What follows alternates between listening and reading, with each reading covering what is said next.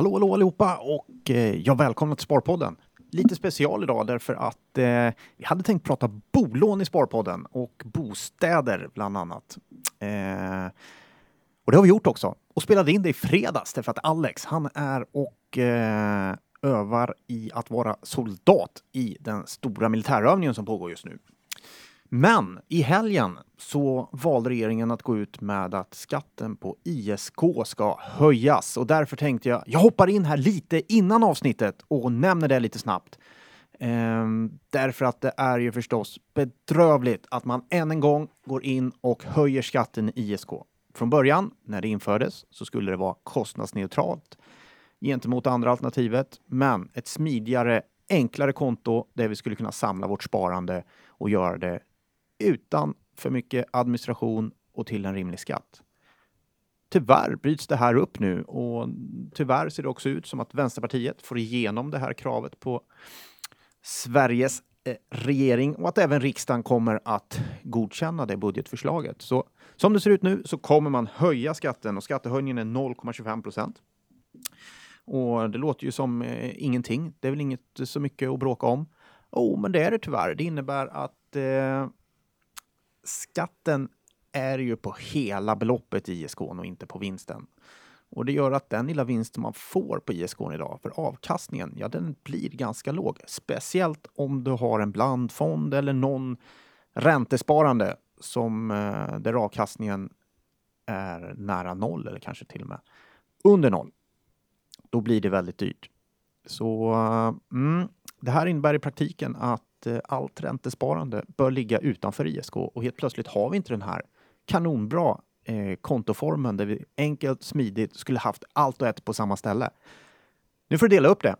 Räntesparandet, det bör ligga utanför ISK och eh, aktierna kan ligga kvar för där är det sannolikt mest lönsamt att ha dem.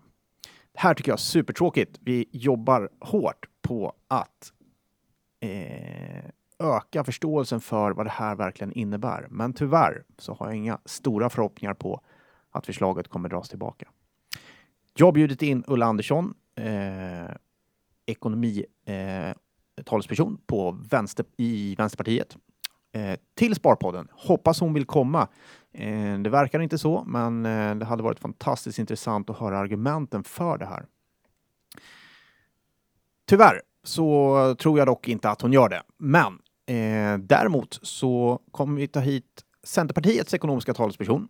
Eh, Emil Källström tror jag han heter. Och han kommer till podden nästa vecka. Och då ska vi grotta ner oss lite i det här.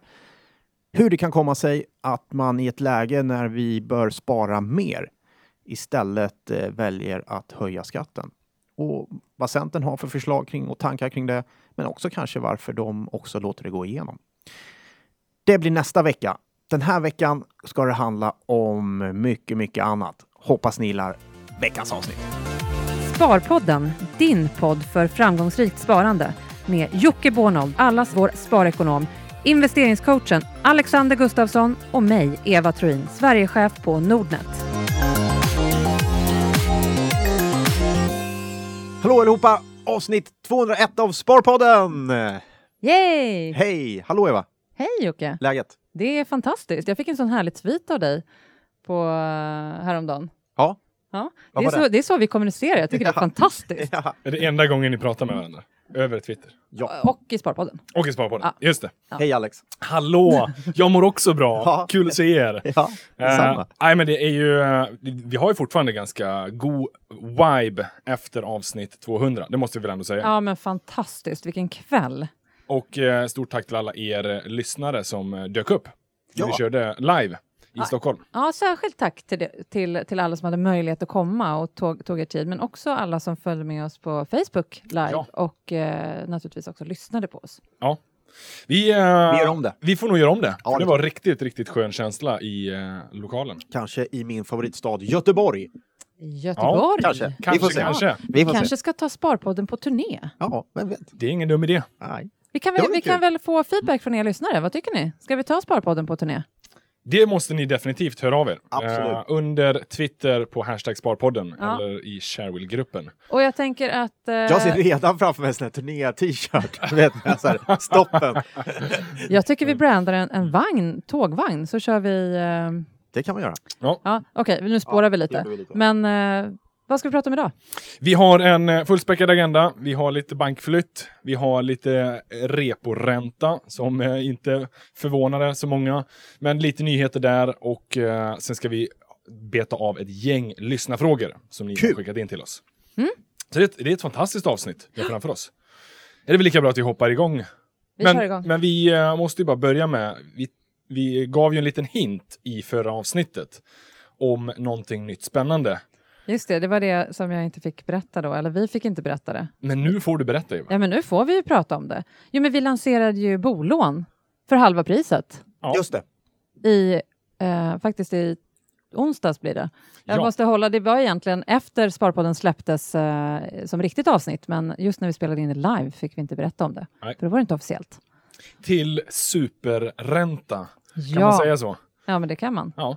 0,69 är väl en superränta. Det är definitivt. Det är Ja. väldigt bra ränta Ja. på ett bolån. Men då ska du ha rätt mycket deg också. Då ska du ha rätt mycket deg. Ja, Ja. men så är det faktiskt. Det, det är eh, eh, 10 miljoner sparande hos oss. Det är mycket pengar. Det är, inte, det är väldigt mycket pengar. Ja. Men, men å andra sidan så har du en miljon i totalt kapital, vilket också är mycket pengar. Eh, men då kan man räkna in företaget om man har ett sådant och framför allt tjänstepensionen. För det är där ofta mycket pengar sitter som man Mm. kanske inte tänker på. Men man kan, och också om man då, den som man ansöker om lånet tillsammans med, den personens sparande får man också inkludera.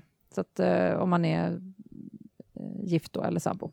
Så att hel, vi tittar på helheten och har du en miljon så har du en 19 i ränta och det är faktiskt en riktigt, riktigt bra ränta också idag. Eh, och dessutom så tycker jag ju det är så skönt eh, att slippa förhandla. Färdigprutad så att säga. Den är färdigprutad Ja. och man vet vad som gäller. Man vet vad som gäller när räntorna stiger. Nu ska vi prata räntebesked här eh, senare, men, men om, eh, om räntan går upp, då kommer ju inte vår ränta följa efter förrän vi kliver över nollstrecket med reporäntan. Ja. Så det, Och det känns en bra bit kvar. Ja, så det är en riktigt, riktigt bra ränta och eh, det verkar ju i alla fall kommentarerna på Twitter också tycka. Så vi Mm. har ju fått väldigt eh, bra feedback och du har ju inte varit ute och rasat heller. Så du, Nej, jag tycker det är, nej men det är ju jättebra. Det är ju otroligt viktigt att, det är kul att vi kan göra det. Det är viktigt att fler gör det, därför att det finns ingen riktigt väl fungerande konkurrens. Ehm, och då måste man få in fler aktörer i en marknad där Ja. konkurrensen inte funkar. Där Och, har vi ju tydligt sett att eh, marginalerna för bolåneaffärerna har ju bara stigit Ja, sedan ungefär Och då 08. lockar det in fler aktörer, lockar Ja. in oss. Jag hoppas det lockar in fler faktiskt. Ja, nej, men, eh, så att vi kan få igång den lite grann. För det, det är viktigt att eh, eh, bara att räntan är låg, det är ju ett extremt dåligt argument för att hålla konkurrensen nere. Liksom. Ja. Och det, nu är ju staten inne på, att, tycker jag, att inne på det sättet att man tycker det är ganska bra. Liksom. Man vill inte ha konkurrens på bolånen därför man vill ha, hålla uppe priserna för att det ska inte bli för billigt. Men det, det är en helt annan fråga. Men hur, vad- hur menar du nu? Nu blir jag ju nyfiken. Hur menar du att staten går in och säger det här? Nej, det gör man inte. Man går bara till och ser till att det får fortsätta. Eh, staten skulle ju kunna göra det ganska enkelt via SBAB som tidigare haft en prispress Ja, till exempel. Mm. Eh, när man ser att det är på rekordnivåer, för så är det. Eh, bankernas marginaler har aldrig varit högre när det gäller bolån. Nej. Och då är det ju så här att om staten skulle vilja få igång konkurrensen så har man ett medel, SBAB. Man har också andra medel att ta till. Men eh, inget av dem... Eh, Men de tjänar ju vinner. ganska mycket pengar via SBAB också. Ja, så är det också. Absolut, så är det, Men framförallt tror jag att man, man ser att man vill inte elda på bolånemarknaden för, eh, mer. Och, och jag, jag tycker det där är, men, men, det, men det är ju också, det är därför jag tycker det, jag tycker det är superbra. Vi har inte möjlighet att gå, gå jättebrett med, med bolånet i dagsläget, men, men eh, vi vill ju vi vill starten in och utmana den här marknaden och vi ser att vi är en aktör som kan göra det. Jag hoppas precis som du Jocke att det är fler som går in och utmanar marknaden. Därför att det är inte, det är inte rimligt med de marginalerna som ligger ur, intäkt, ur intjäningssynpunkt just nu.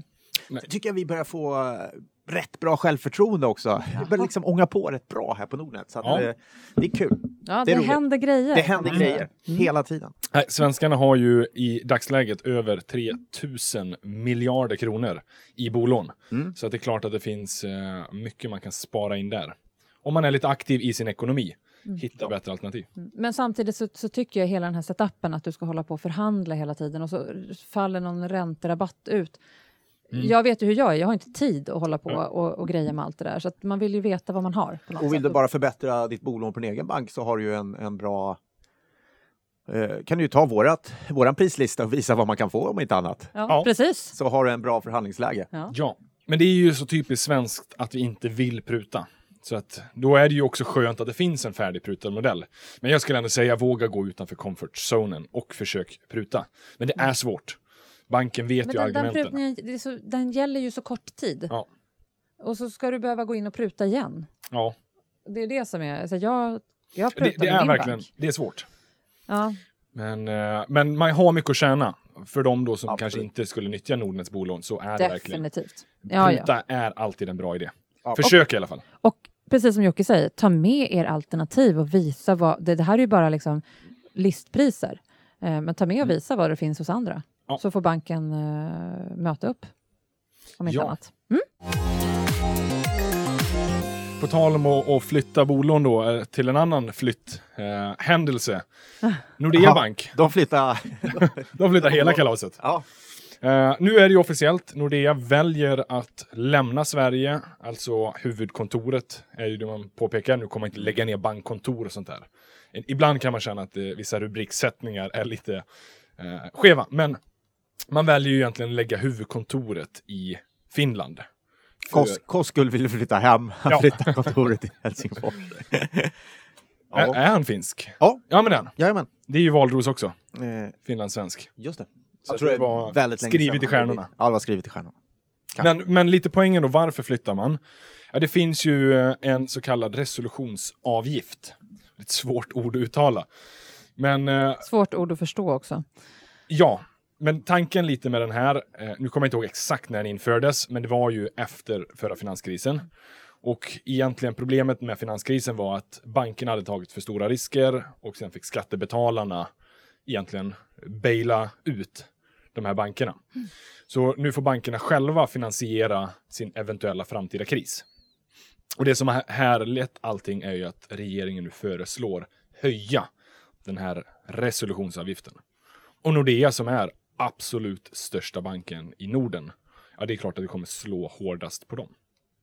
Så min fundering är då, för Nordea, de kommer ju de facto spara in en hel del pengar Mm. om den här nu höjningen skulle gå igenom. Är det inte då rimligt att man i en öppen marknadsekonomi flyttar till bättre förhållanden? Jag lägger ut frågan för jag vet att den är ganska... eh, Ja, jag håller med dig fullt ut. Mm. Hade jag varit Nordea, jag hade gjort exakt Ja. samma sak. Faktiskt. Det, det är ju inte det mest populistiska att säga. Det är ju det det inte Eh, är. Alltså, Men eh, nej, absolut. Man- eh, man jag tror ingen, vill- det är ingen som vill ha den delen av mina kommentarer heller i media. Men Nej. jag förstår dem. Jag Ja. gör det. Jag hade gjort likadant. Eh, det är en affärsmässig bank eh, eller verksamhet som ska drivas. Eh, de, deras uppgift, eh, eller inför ägarna så måste man ju göra det på allra bästa möjliga sätt. Eh, intäkterna i Sverige är någonstans, de säger 25 procent, jag tror det är lite högre, men det kanske är 30 då. Mm. Eh, men det är inte mer. Mm. Eh, det är högst rimligt då att titta på sina andra huvudmarknader och se, och jag förstår, det som lockar här är bankunionen, därför deras konkurrenter ligger under bankunionen. Och där är ju, det hela handlar egentligen om är ju inte de här resolutionsavgiftpengarna. Jag tror inte det handlar om det i grund, och i- utan i grund och botten är det så att driver man bank, då vill man ha eh, ett vill man ha förutsägbarhet. Man vill veta vilka spelregler man har. Det är Mm. extremt viktigt, även för oss här på Nordnet. Det underlättar, därför det är väldigt mycket att styra om varje gång staten eh, får för sig att göra en förändring. Så det är viktigt, förutsägbarhet och bra dialog. Ehm, och sen hade jag en puck till och den är eh, eh, nämligen att det är ett level playing field. Att det inte finns ett regelarbitrage, eh, brukar man prata om mellan banker. Att du inte eh, ska förlora på att ligga i ett land mot ett annat och så vidare. Och det här har man jobbat jättemycket med inom EU och Sverige har ju varit med på den pucken ganska länge. Men ska vi vara helt ärliga så var det ju så att det var ju eh, Anders Borg i Alliansens regering som var väldigt, väldigt emot bankunionen.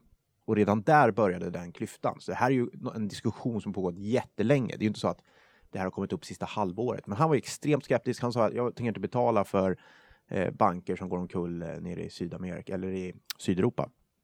Så därför blev ju Sverige en, en stark avståndstagare. Den positionen har ärvts och den har ju den eh, nuvarande regeringen också haft, den hållningen, att man inte vill gå med där. Och för Nordea har ju det gjort att man hamnat i en väldigt svår situation därför att samtidigt så reglerar ju EU Nordea som en systemkritisk bank för hela Europa, vilket gör att man liksom klumpas ihop med alla de här andra stora eh, europeiska bankerna.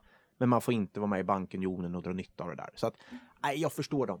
Jag Ja. förstår dem. Jag, jag tror att valet var väldigt lätt när Sverige eh, fortsatte att tveka på att gå med i bankunionen. Då tror jag att det var ganska... Det, det var ju precis så Björn Wahlroos också uttryckte det. Det var ett ganska lätt val. Ja. I Finland, då är vi med i bankunionen och dessutom har de ju europeisk valuta, euron, Yes. vilket också underlättar Ja. för affären.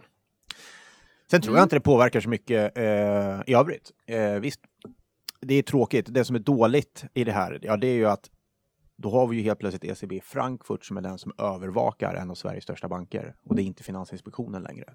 Utan nu sitter inte i, nu, nu är Finansinspektionen en passagerare när de väljer att byta. Men och, eh, i ärlighetens namn, då, vad gör det för skillnad rent praktiskt? Har inte de en dialog, Finansinspektionen och eh, övriga tillsynsmyndigheter? Jo, fast när bankkrisen slår till, Ja. vill du vara den som för en dialog eller vill du vara den som bestämmer? Eh, jag tror att Thedéen gärna hade varit den som bestämde i det läget, eh, faktiskt. Men då är det också argumentet, då kan ju Finansinspektionen rä- räcka upp händerna i luften och säga att ja, men vi är inte ansvariga. Vi behöver inte ta ansvar för det här. Och så får någon annan lösa det. Är inte det också en liten skön möjlighet? Nej, det tror jag inte. Nej, det tror jag inte. Banksystemet vill man ju ha koll på förstås. Eh, och alternativet är ju att vara med i bankunionen och själv ha en insyn Mm. i det som händer. där. Så Påverkar att, det eh, här kunderna på något sätt då? Ja, men det kommer det göra. Eh, för de som äger, eller kunderna i Nordea, den, den säger att den ska du inte påverka. De har kvar, har ju kvar verksamheten och allt Ja, sånt där. det borde det inte göra. Men däremot Men vi, ägarna. om vi är... är du, du har ägt ja, aktier i Nordea? ja, nej, jag äger. Du äger? Nordea. Ja. Just det. Just Jag det. äger Mm. Nordea. Ja. Men Ja. där kan det ju bli lite förändring. Det kan det garanterat bli. Nu får vi ju, det återstår att se vad kommer liksom skattemässigt bli konsekvensen av det. Eh, det låter lite enkelt att bara flytta över, göra en adressändring.se, säga att nu skickar vi posten till Finland istället. Ja. Det är ju en liten större cirkus när en bank flyttar. Men hela poängen, det vi skulle komma till är ju att som aktieägare, om du köper utländska aktier och får en utdelning, då har du ju oftast en källskatt till det lokala landet. Ja. Så som svensk sparare, om du köper finska aktier och får en utdelning, ja, då behöver du betala en källskatt till Finland. Och den är på 15% för Finland. Det är för de flesta länder, men det kan skilja sig lite. Eh, Och många äger ju just sina aktier i ett ISK idag. Och, Inte eh, jag. inte du. Har du en kapitalförsäkring? Jajamän. Du var ute i god tid. Du Jajamän. visste att det här... Kände på mig. Nej, inte ju- därför, utan för att jag tycker att det är för mig Ja. ett bättre... Och här, här blir det jättetydligt varför det är ett bättre alternativ. Mm. För har du utländska aktier, får en utdelning, ja, i en kapitalförsäkring så kommer ju då banken eller försäkringsbolaget hämta tillbaka den där lilla källskatten. 15% på utdelningen, det är inte enormt mycket pengar, men det är ändå pengar.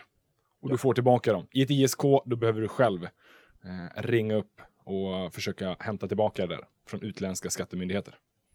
Och den är inte helt enkelt. Nej. Så tänk på det nu. Än så länge, det är kanske lite för tidigt för att säga eh, vad konsekvensen kommer bli av det hela. Det är liksom precis färskt att man beslutar att flytta. Men på sikt, om du nu planerar att äga dina Nor- Nordea-aktier, ja, då är det kanske en bra idé att stoppa in dem i en kapitalförsäkring. finns ju en påverkan till som skulle kunna bli aktuell. Det är om de väljer att flytta primärnoteringen också till Helsingfors. Eh, och det är en stor fråga, eh, till exempel i index. Hur, hur ska eh, om- OMXS30 indexet se ut då till exempel? Nordea är ju största idag. Eh, skulle det vara så att de flyttar, ja då ska man bara räkna med den delen som är registrerad hos svenska Euroclear.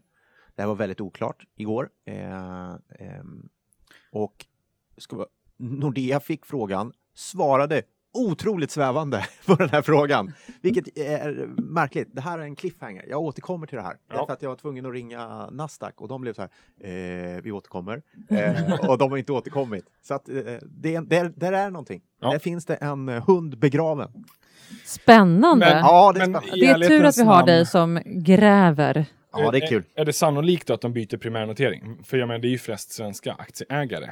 Ingen aning. Jag kan bara konstatera att frågan duckade de hårt för och gav inget svar. Koskul var väldigt svävande, eh, vilket tyder på Eh, vilket kan tolkas som att de inte har koll på det. Nej. Men det finns inte en chans i världen att de inte skulle ha koll på det. Så det är, det är någonting de funderar på. Jag har ingen aning. Jag vet Ja, inte. Jag tycker bara det är kul. Intressant. Jag Vi är får helt återkomma. säker på att de Nordeas hade, eh, aktie för den nyfikna då handlas ju idag både i svensk valuta, finsk och i dansk. Just det. Så du, alltså, det är samma bank, men du kan, aktien är noterad på de här marknaderna. Ja, Sen är primära i Sverige. det. Jag, jag tror att det är där flest aktieägare är. Tror jag också. Men kan ju ske förändringar, vi får väl se. Eh, det här kommer vi nog garanterat behöva återkomma Det till. kommer jag Och det här kommer att skrivas mycket om. Ska vi säga någonting till så är det så här. Ah, nu är det ju så här. Jo, men vi flyttar 100 personer till Helsingfors. Eh, det är inte så mycket mer än så. Nej, men det är mycket, mycket mer än så. Ja. Det är liksom, det här är mycket, mycket större. Det är så här, Nordea lägger ju inte hundratals miljoner på att undersöka det här med hur mycket jurister som helst.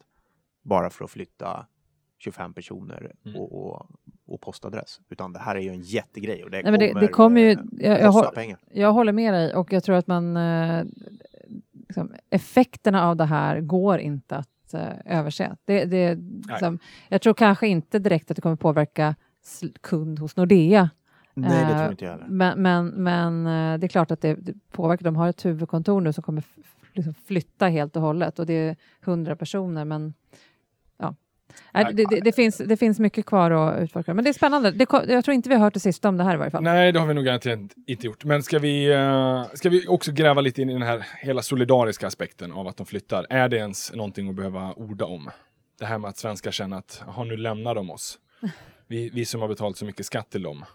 Är det här tacken man får? Just att de har räddat två gånger. Eh, ja, jag vet inte. Ja, ja, så kan man väl tycka. Ja. Det är Samtidigt, typiskt svenskt att tycka, men Eh, Det kan man väl tycka, men samtidigt så är det ju så här att staten har varit huvudägare. Eh, Framförallt handlar det här om eh, krisen med Nordbanken och eh, ja, staten och, och um, PK-banken, Postkreditbanken. Staten var ju huvudägare, det var ju den som drev in eh, banken i problemen. Så att jag har svårt att liksom säga att jag vill rädda dig. Ja, ni satte banken i den situationen. så att, så att eh, nej, där kan man, man kan inte dra det kortet faktiskt. Nej. Även om jag vet att många gillar att dra. snyggt. Förra veckan, då fick vi ju ett nytt besked från Riksbanken. De lämnar räntan oförändrad. Ja. Var det en kioskvältare? Nej. Nej, det var ganska Det var förväntat. Att de Mm. skulle lämna en oförändrad på minus en halv procent. Ja, Eh, det som dock är ju fortfarande lite fundersamt är ju hur vi kan med mage säga att vi har 2% inflation och en negativ ränta. ja, Där är det många som känner att till och med Riksbanken börjar få allt svårare att eh, formuleringarna blir allt mer eh, snirkliga eh, från Riksbanken och förklara hur vi kan ligga kvar där. Så att eh, allt tuffare för dem också att förklara. Ja. En liten dock förändring som de eh, lyfte var att man har ju haft det här målet på inflation 2% och den mäter man enligt konsumentprisindex, KPI. Nu kommer man börja mäta det i KPIF, alltså konsumentprisindex, fast man räknar bort räntedelen i ekvationen. Eh, för med konsumentprisindexet, hur Ri- Riksbanken justerar räntan, det kommer ju att påverka inflationsmåttet. Så här tar man egentligen bara bort den ur ekvationen. Eh, nu säger man att man har kollat på KPIF internt när man har gjort besluten tidigare. Men det är bara att man nu officiellt går ut med att det är vårt mål. Mm. Så fortsatt 2% plus minus en procentenhet. Men det är KPIF. Jag kan någonstans tycka att det är ganska rimligt.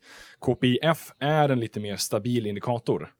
Konsument, eh, vanliga KPI-siffran kan slå ganska mycket, framförallt när vi får sådana här stora ränteförändringar.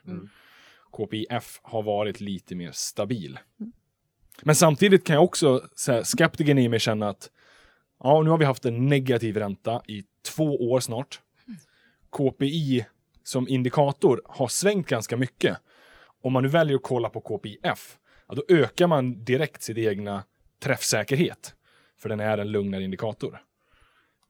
Så här, är jag ute och eh, du konspirerar nu att, eller är det här en, en tanke som de ökar sin egna träffsäkerhet genom att ändra måtten Ja, i efterhand? ja kanske. Kanske. Ja, Det, det är rimligt Eh, noterar i alla fall att eh, Stefan Ingves eh, på frågan Eh, när ska ni börja höja räntan? Pekade förstås på ECB också. Så länge de inte höjer så höjer inte vi. Han sa inte det rakt ut, men det var Nej. väldigt lätt att läsa de signalerna. Vilket gör att vi sitter väl kvar här ett tag till. Ja, och vi hade också... Vilket är veckan- galet förstås. Det är jättegalet. Och vi hade också ett besked från ECB förra veckan, där de också lämnade räntan oförändrad. Mm. Ja, jag har en liten, får jag bara göra en shout, nej shoutout är fel uttryck, bara en efterlysning. En hälsning till en, en, hälsning, en hälsning till Riksbanken. En hälsning till och, och till Riksbanken. ja. kommunikationsavdelningen på Riksbanken. Därför att förra veckan eh, så hade vi ju räntebeskedet och då är också en presskonferens. Och Riksbanken har ju, eh, jag har varit med där tidigare, men då eh, berättade Riksbanken för mig med all önskvärd tydlighet att eh, jag inte är välkommen dit. Eh, jag får faktiskt inte komma dit. Eh, jag får inte komma in till Riksbanken. Och eh, kan ju vara så. Jobbigt att ha kritiker på plats. Oj, de byter index och tar bort kritikerna. Ja, så jag får inte komma dit. Jag är inte välkommen dit faktiskt. Eh, men, Men noterade förra veckan att min kollega Claes Hemberg på Avanza eh, satt eh, i publiken på den här presskonferensen. Och eh, om någon på Riksbanken hör det här så tycker jag det är väldigt intressant varför vissa får komma och andra inte får komma. Det är tyvärr väldigt, väldigt besynnerligt. Det är mycket besynligt och eh, jag skulle påstå att en eh, bank kan säkert göra det, men att Riksbanken gör det, det är Nej, inte det okej. känns inte riktigt okej. Men- Ja, Så, där, det, så är det. Men det där man- vill vi ha svar på. Ja, verkligen. Det känns inte alls okej. Nej. In med Bornold. Ja, pressen. jag är världens trevligaste kille också. Jag är Ja. jättesnäll. Det var de där Eh. fräckisarna du drog förra gången. Aj, aj, aj. Jaha, men Vi eh, lämnar Riksbanken. vi Ja. lämnar Riksbanken och ska vi gå in på lite lyssnarfrågor? Det ska vi definitivt tänker jag. Eh, vi har en från, de har så konstiga namn allihopa så jag har så svårt att uttala dem. Vad Men heter det är den? det som är det härliga med sociala medier. Du, vi har nog en vad ska vi kalla, vad heter? Matarese. Matarese. Matarese eller Matarese. Ja, på Shareville. Hjälp, börjar hen.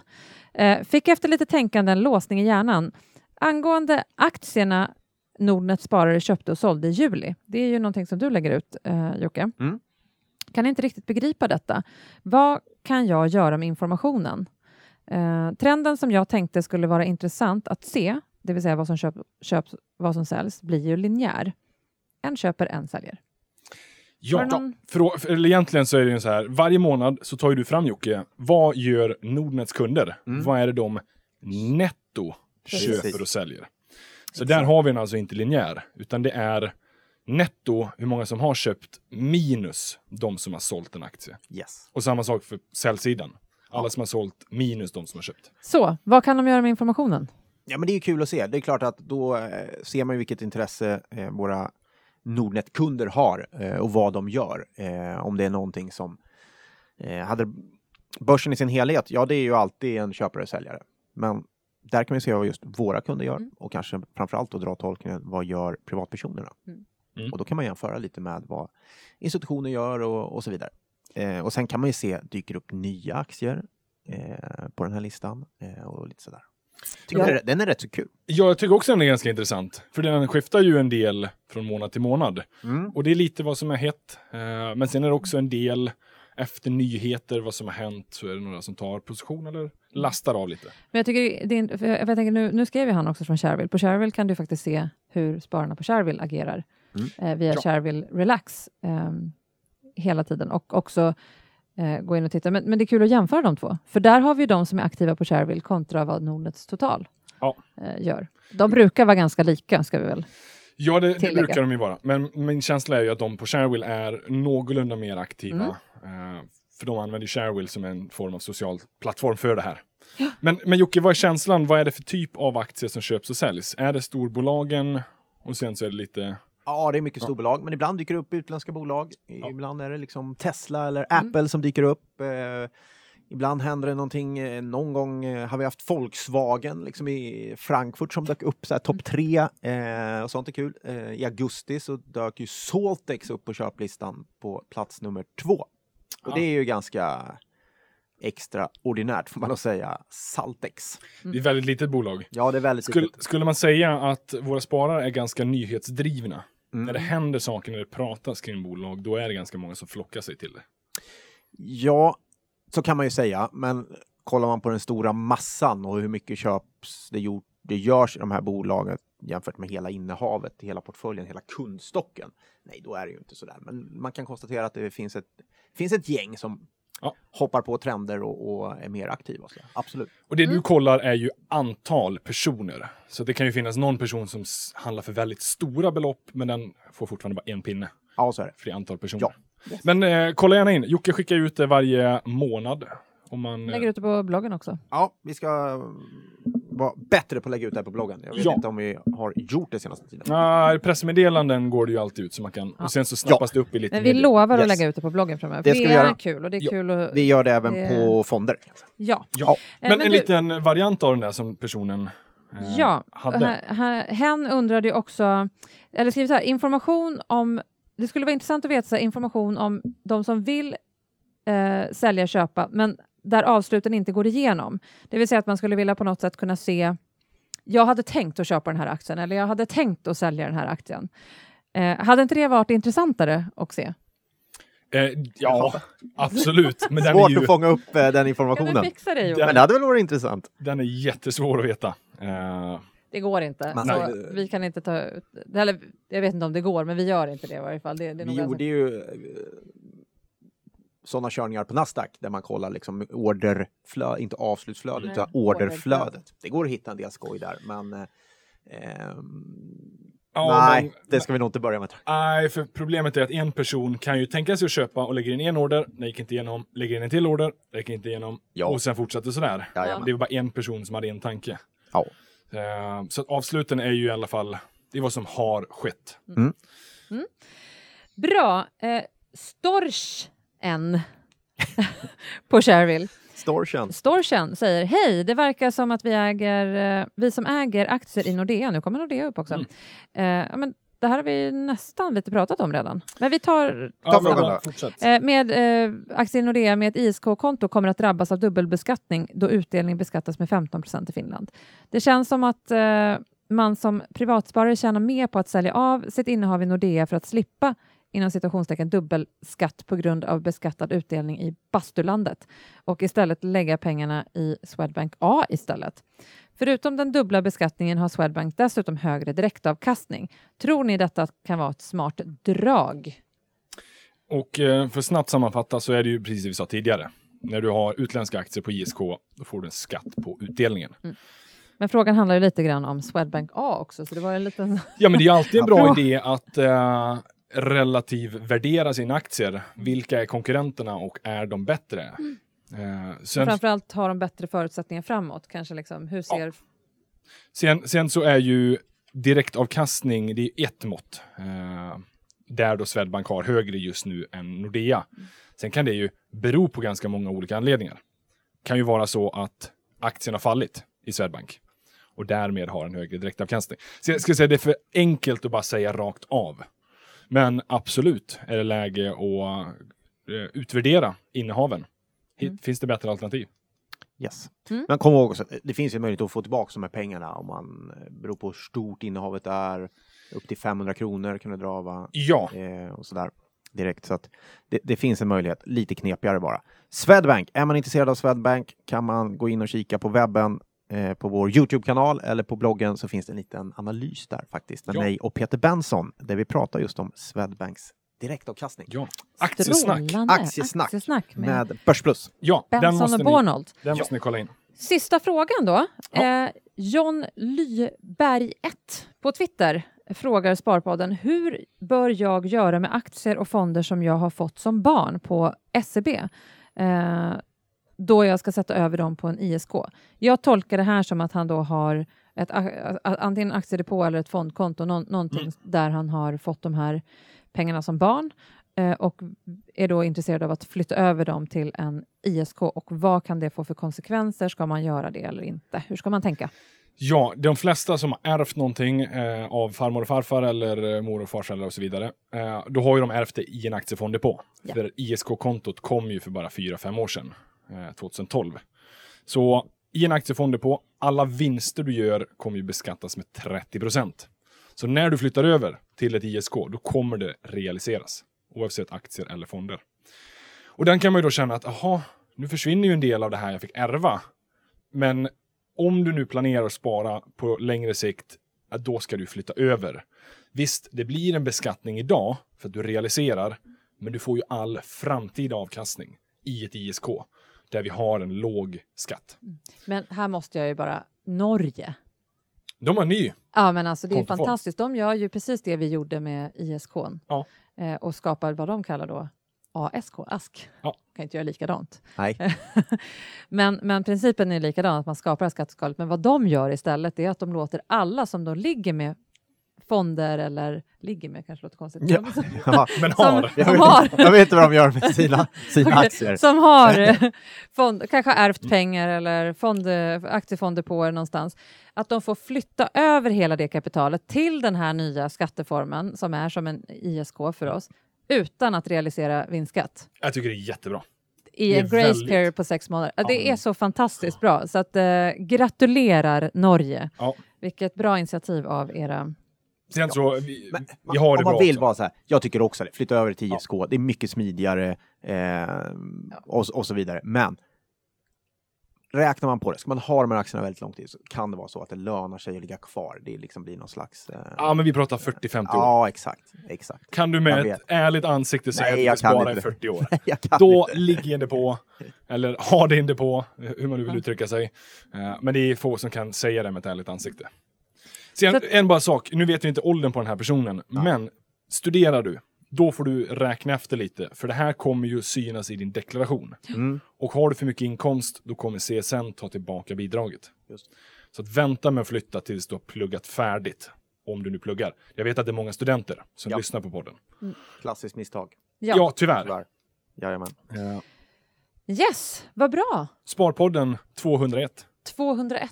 Fantastiskt. Fantastiskt. Ja, och eh, stort tack till er lyssnare som är med oss och gör Sparpodden möjlig. Ja. Vad, fortsätt att påverka oss. Tyck till vad vi ska ta upp framöver och eh, har du lite lyssnarfrågor så ställ dem också till oss. Och förslag på gäster kanske. Ja. Jättegärna. Mm. Och se till nu och lyft så att Jocke får komma in på nästa presskonferens Ja. med Riksbanken. Free Jocke Bornold. En sån kampanj kanske vi ska starta. Absolut. Det har varit en ära tänkte jag säga, men det har varit en ära att eh, få göra Sparpodden 201. Vi säger lycka till med avkastningen så ses vi igen nästa vecka. gör vi. Hej! Hej!